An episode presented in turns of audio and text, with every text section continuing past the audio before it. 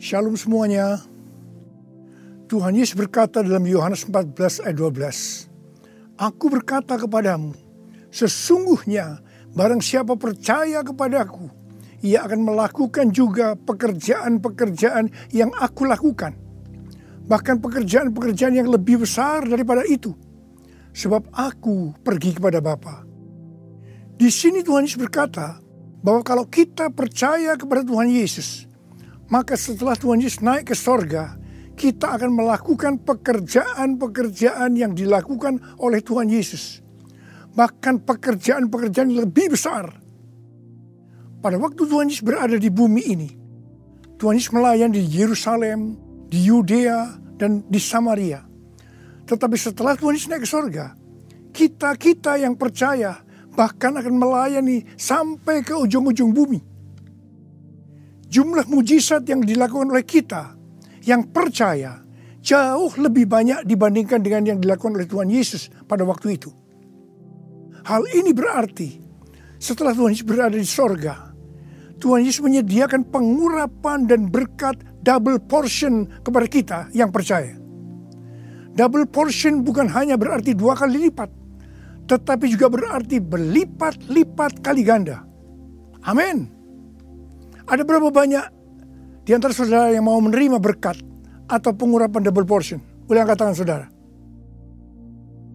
Sidi Jacob bernubuat bahwa Pentakosta tahun 2020 tidak sama dengan Pentakosta sebelumnya. Dikatakan bahwa kita sedang memasuki Pentakosta dari Pentakosta, yaitu Pentakosta yang ketiga. Di mana ini adalah pencurahan roh kudus yang terbesar dan yang terakhir sebelum Tuhan Yesus datang kembali. Untuk itulah Tuhan Yesus memperlengkapi kita dengan pengurapan double portion. Setelah roh kudus dicurahkan pada waktu Pentakosta yang pertama, maka salah satu tanda yang terjadi pada waktu itu adalah perubahan paradigma dalam pelayanan. Selama ini, pengertian dari murid-murid Tuhan Yesus adalah bahwa keselamatan hanya untuk orang Yahudi saja – tetapi dengan adanya peristiwa Cornelius yang bukan orang Yahudi bertobat, dipenuhi dengan roh kudus, berbahasa roh, dan menerima baptisan air.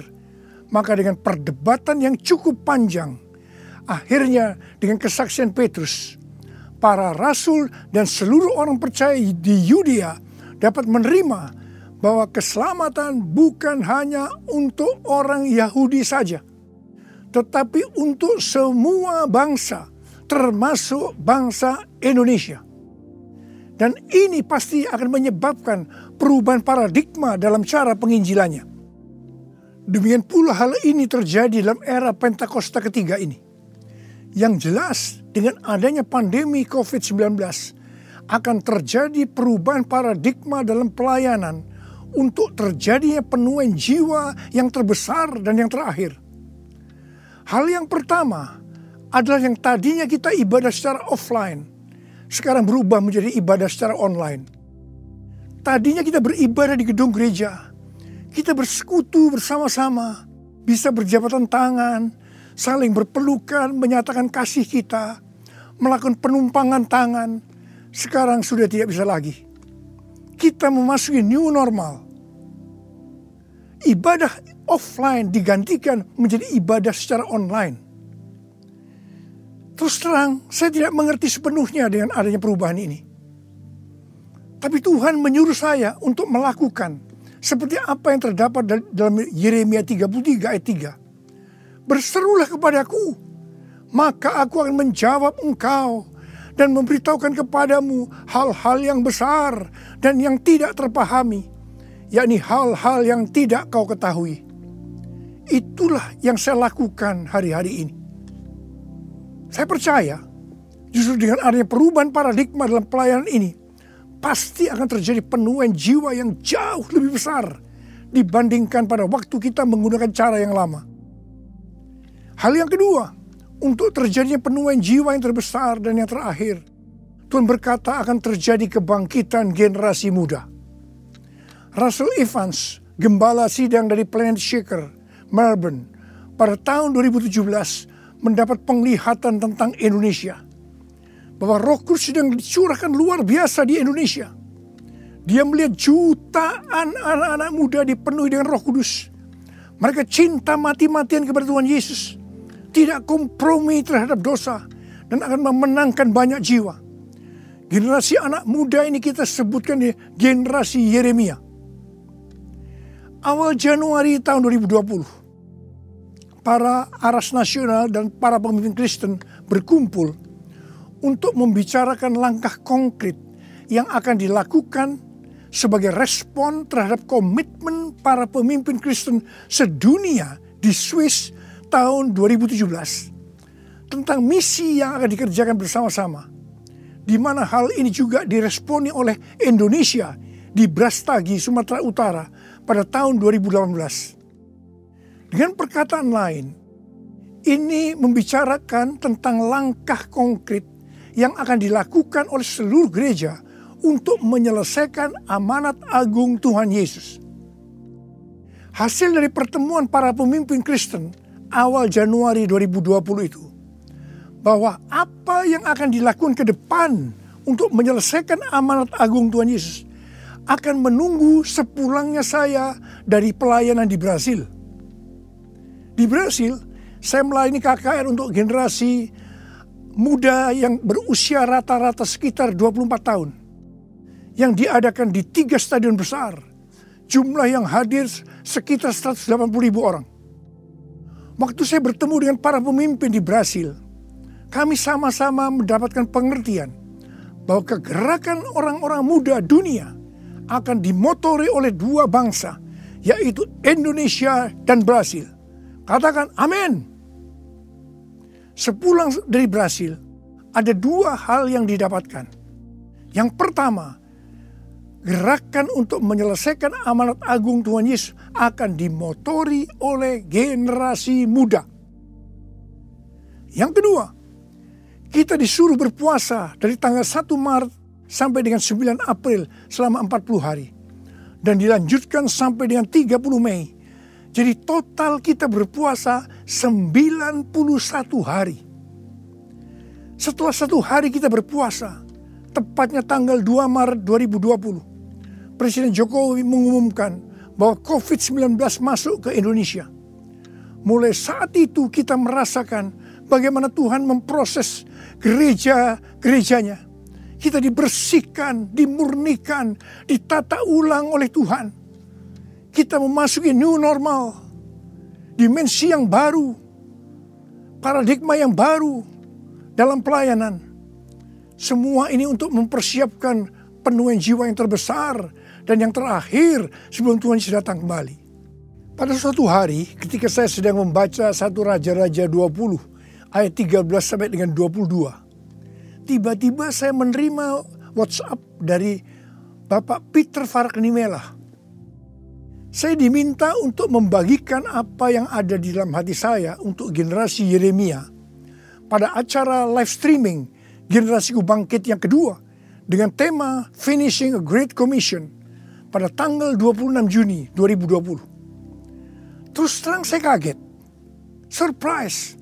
Sebab kalau kita membaca ayat-ayat dari satu Raja-Raja ayat 20 ayat 13 sampai dengan 22 itu, itu menceritakan tentang seorang nabi yang datang kepada Ahab, Raja Israel. Untuk menyampaikan pesan Tuhan bahwa Tuhan akan menyerahkan musuh mereka, yakni orang-orang Aram yang sedang mengepung Samaria. Ahab bertanya, siapa yang akan membantu untuk melawan musuh yang begitu besar itu? Nabi itu menjawab, orang-orang muda, pengiring kepala-kepala daerah yang jumlahnya hanya 232 dari 7000 orang Israel. Orang-orang muda ini yang akan menyerang lebih dulu. Orang-orang muda yang jumlahnya 232 ini yang diikuti oleh para prajurit menghancurkan orang-orang Aram. Pada saat itu Tuhan berbicara kepada saya bahwa untuk ke depan ini generasi Yeremia yang harus memimpin peperangan rohani untuk penuaian jiwa yang terbesar dan yang terakhir ini merupakan suatu paradigma baru dalam pelayanan. Tuhan, ini aku jadikanlah ku alatmu untuk memberitakan Injilmu. Tuhan, ini aku jadikanlah ku hambamu untuk melakukan firmanmu.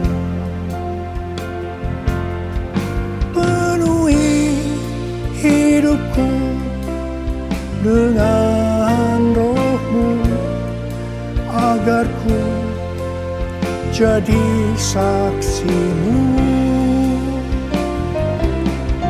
Pakailah hidupku dan urapilah untuk kemuliaan namamu untuk kemuliaan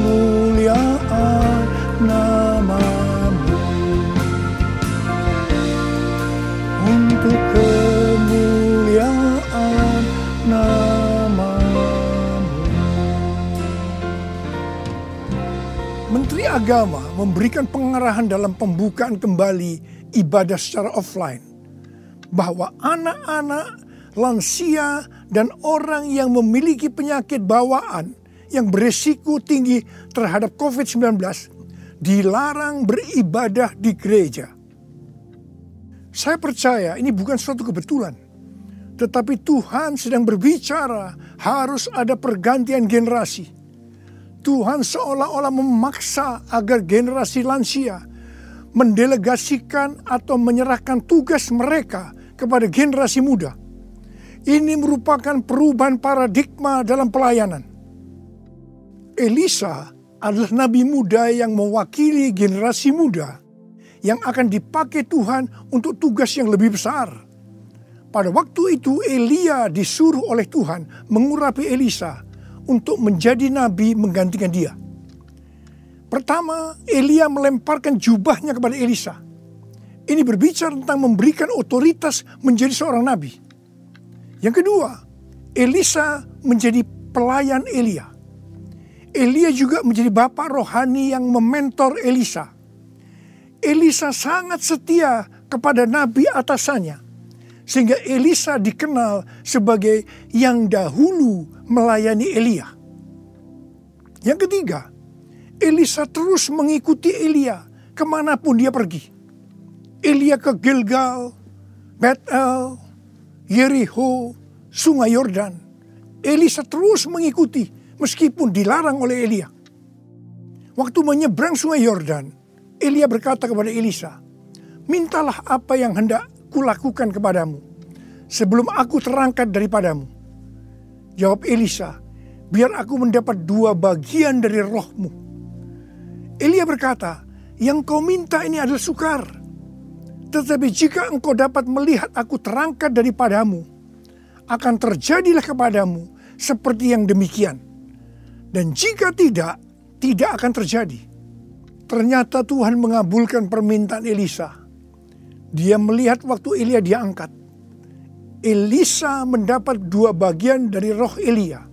Double portion Arti daripada dua bagian roh Elia atau double portion adalah yang pertama, Elisa sebagai anak rohani yang sulung dari Elia menerima warisan dua kali lebih banyak dibandingkan dari anak-anak rohani lainnya. Elisa mohon kepada ayah rohaninya untuk memberikan wibawa seorang nabi yang lebih besar kepadanya supaya Elisa bisa melanjutkan pelayanan Elia. Yang kedua, dalam hal mujizat, Elia melakukan mujizat sebanyak tujuh kali. Sedangkan Elisa melakukan empat belas kali. Di mana satu kali setelah Elisa meninggal, tulang-tulangnya bisa membangkitkan orang yang mati. Peranan Elisa sebagai nabi terhadap raja-raja Israel lebih banyak dibandingkan Elia. Elia sebagai nabi pada zaman Raja Ahab saja. Sedangkan Elisa sebagai nabi dalam zaman Raja Yoram, Yehu, Yoahas, Yoas. Jadi, untuk mendapatkan pengurapan atau berkat double portion, Elisa melakukan hal-hal sebagai berikut. Yang pertama, Elisa menerima jubah Elia yang artinya mendapatkan otoritas untuk pelayanannya sebagai nabi. Yang kedua, Elisa setia kepada bapak rohaninya. Yang ketiga, Elisa pergi ke Gilgal. Gilgal adalah tempat di seberang sungai Yordan di mana laki-laki yang belum disunat, mereka disunat di sini. Disunat berbicara tentang lepas dari keinginan daging dan hidup dipimpin oleh Roh Kudus. Keinginan daging adalah maut, tetapi keinginan roh adalah hidup dan damai sejahtera. Roma 8 ayat 6. Sebab jika kamu hidup menurut daging, kamu akan mati. Tetapi jika oleh roh kamu mematikan perbuatan-perbuatan tubuhmu, kamu akan hidup. Roma 8 ayat 13. Yang keempat, Elisa pergi ke Bethel. Bethel adalah tempat perjumpaan Yakub dengan Tuhan secara pribadi. Kita harus menjaga agar setiap waktu hidup kita senantiasa dipenuhi oleh hadiratnya. Sehingga kita selalu mengalami perjumpaan dengan Tuhan secara pribadi. Yang kelima, Elisa pergi ke Yericho. Yericho adalah kota pertama di tanah perjanjian yang diberikan oleh Tuhan kepada bangsa Israel untuk direbut. Tembok Yericho roboh setelah sangkakala ditiup dan orang Israel bersorak-sorai. Ini berbicara tentang kuasa dari pujian dan penyembahan. Tuhan menciptakan manusia agar manusia memuji dan menyembah Tuhan. Dalam masa pandemi COVID-19 ini, kita harus banyak memuji dan menyembah Tuhan. Meskipun ini tidak mudah. Karena kita melihat keadaan-keadaan yang terjadi saat ini. Kita harus melakukan seperti apa yang Daud lakukan dalam Mazmur 103 ayat 1 dan 2. Di mana Daud berkata, Pujilah Tuhan, hai jiwaku. Pujilah namanya yang kudus, hai segenap batinku. Pujilah Tuhan, hai jiwaku. Dan janganlah lupakan segala kebaikannya Memang kita kadang-kadang harus memaksa jiwa kita untuk memuji Tuhan dengan selalu mengingat kebaikan Tuhan. Mungkin ada di antara saudara yang mengalami ketakutan, kebingungan, depresi, terdampak krisis ekonomi, sakit karena COVID-19. Mari kita selalu mengingat kebaikan Tuhan. Saya mau katakan sesuatu kepada saudara. Apa pun yang terjadi dalam hidup saudara, apa pun yang masalah saudara hadapi, saudara harus tahu satu hal, bahwa Tuhan Yesus itu baik. Dia sangat-sangat mengasihi saudara. Mengucap syukurlah dalam segala hal, enak maupun tidak enak. Sebab inilah yang dikendaki Allah dalam Kristus Yesus bagi kita.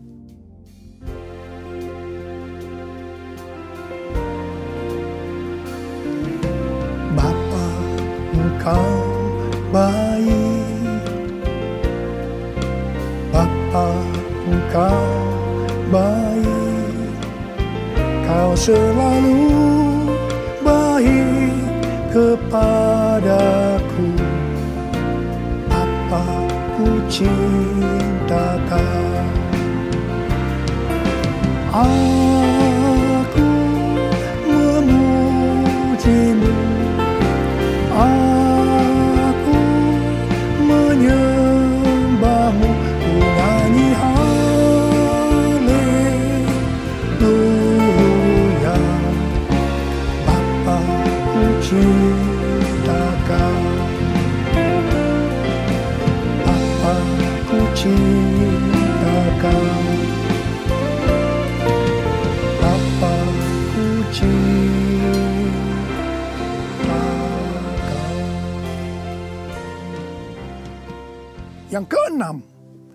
Elisa pergi ke sungai Yordan.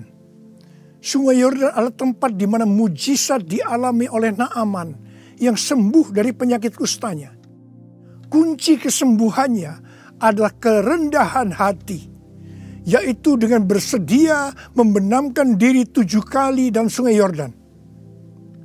Sungai Yordan adalah tempat di mana Tuhan Yesus dibaptis. Roh Kudus dalam bentuk burung merpati turun atas Tuhan Yesus. Terdengar suara dari sorga. Inilah anakku yang kukasihi. Kepadanya lah aku berkenan. Sungai Yordan adalah tempat di mana kemuliaan Tuhan dinyatakan. Sungai Yordan menjadi kering ketika kaki para imam yang mengangkat tabut Allah masuk ke dalam air. Kemuliaan Tuhan ini terjadi karena mereka percaya dan melakukan kehendak Tuhan meskipun tidak masuk akal. Sekali lagi, saya mau bertanya kepada saudara, ada berapa banyak yang mau menerima pengurapan dan berkat double portion? Angkat tangan saudara. Ada delapan hal yang harus kita lakukan kalau mau mendapatkan pengurapan atau berkat double portion. Yang pertama, menerima tugas yang diberikan oleh Tuhan dengan sukacita. Yang kedua, setia kepada atasan kita, pembimbing rohani kita, bapak rohani kita. Yang ketiga, melepaskan keinginan daging dan hidup dipimpin oleh Roh Kudus. Yang keempat, usahakanlah setiap waktu kita dipenuhi dengan hadiratnya agar kita senantiasa mengalami perjumpaan dengan Tuhan secara pribadi. Yang kelima, dalam segala situasi kita harus banyak berdoa, memuji dan menyembah Tuhan. Yang keenam, hidup dengan kerendahan hati. Yang ketujuh, hidup menjadi orang yang dikasihi dan berkenan kepada Tuhan. Yang kedelapan, percaya akan segala perintah Tuhan meskipun tidak masuk akal. Saya mau berdoa agar saudara mendapatkan pengurapan dan berkat double portion. Mari angkat tangan saudara dan nyanyikan nyanyian ini bersama saya.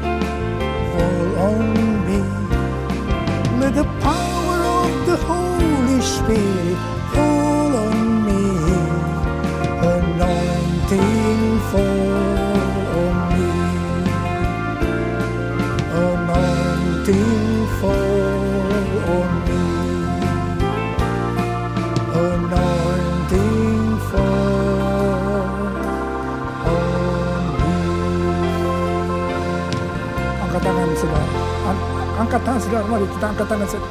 Urala bala bala bala bala bala bala. Urala bala bala bala.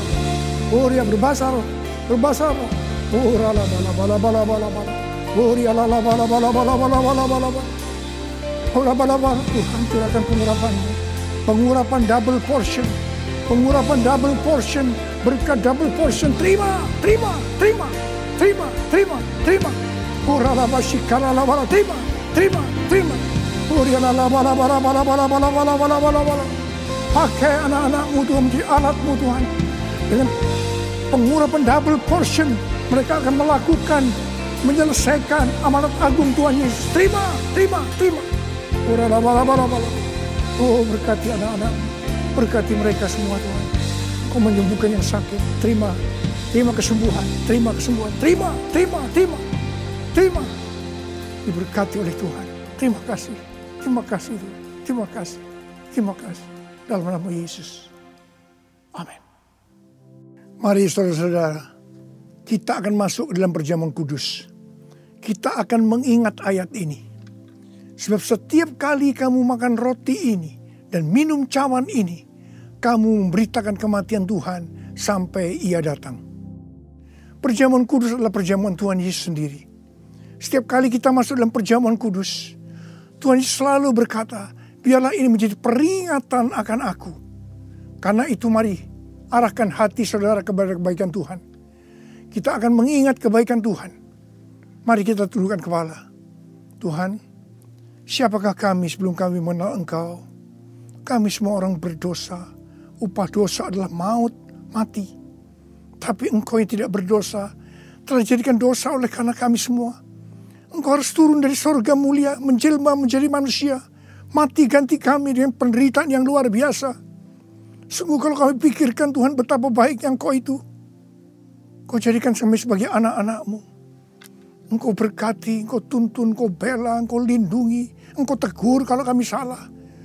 Engkau mengurapi kami, engkau sembuhkan kami ya Tuhan. Itu engkau ya Abah. Itu engkau ya Abah. Tuhan akan memberkati saudara melalui perjamuan kudus. Tapi Tuhan mau kita makan dan minum dengan cara yang benar. Oleh karena itu masing-masing introspeksi. Sudah masing-masing berdoa Lihat keadaan dirimu masing-masing. Jangan menyimpan dosa. Kalau ada dosa yang selama ini belum diselesaikan dengan Tuhan. Dan Tuhan ingatkan saat ini. Langsung minta ampun. Minta ampun. Minta ampun. Ampuni saya Tuhan. Ampuni Tuhan. Ampuni ya Tuhan. Tuhan ampuni anak-anakmu. Ampuni mereka ya Tuhan. Ampuni. Layakkan kami untuk masuk dalam perjamuan kudus. Terima kasih Bapak. Kami akan masuk dalam perjamuan kudus dengan hati yang penuh ucapan syukur. Dalam nama Yesus yang berdoa. Amin. Sekarang mari angkat roti di tangan kanan saudara tinggi-tinggi. Sebab apa yang telah kuteruskan kepadamu telah aku terima dari Tuhan. Yaitu bahwa Tuhan Yesus pada malam waktu ia diserahkan mengambil roti. Dan sesudah itu ia mengucap syukur atasnya. Dia memecah-mecahkannya dan berkata, Inilah tubuhku yang diserahkan bagi kamu. Perbuatlah ini menjadi peringatan akan aku. Sudah dikasih Tuhan. Bukankah roti yang kita pecah-pecahkan ini adalah persekutuan kita dengan tubuh Kristus? Mari kita makan dalam nama Yesus.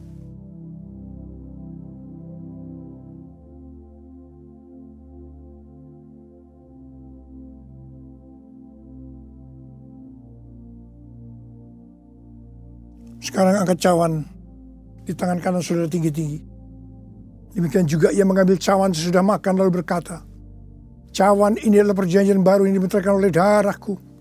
Perbuatlah ini setiap kali kamu meminumnya menjadi peringatan akan aku.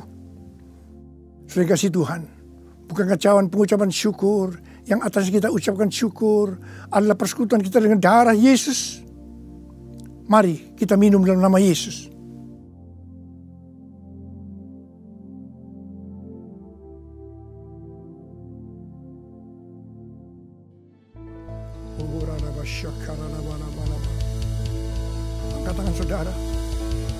Ucapkan syukur dengan suara. Jangan diam. Terima kasih ya Tuhan. Kami bersyukur ya Tuhan. Kami bersyukur ya Tuhan. Terima kasih ya Tuhan. Terima kasih. Terima kasih ya Tuhan. Terima kasih buat kebaikan Tuhan. Terima kasih buat kebaikan Tuhan. Terima kasih ya Tuhan. Terima kasih. Terima kasih. Terima kasih. Terima kasih ya Tuhan. Terima kasih.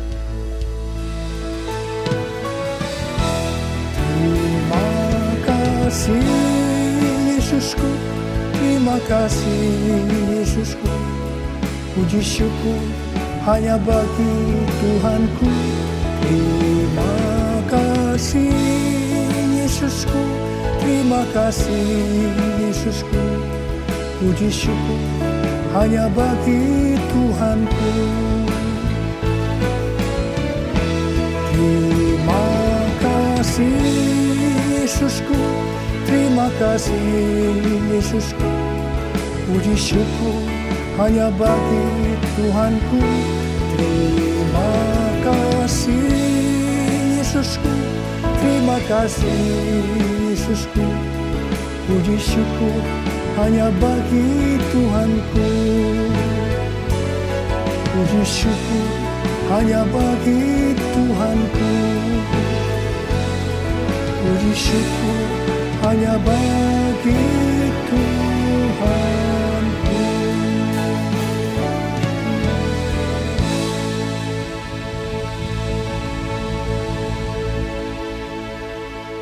Pulanglah dengan berkat Tuhan.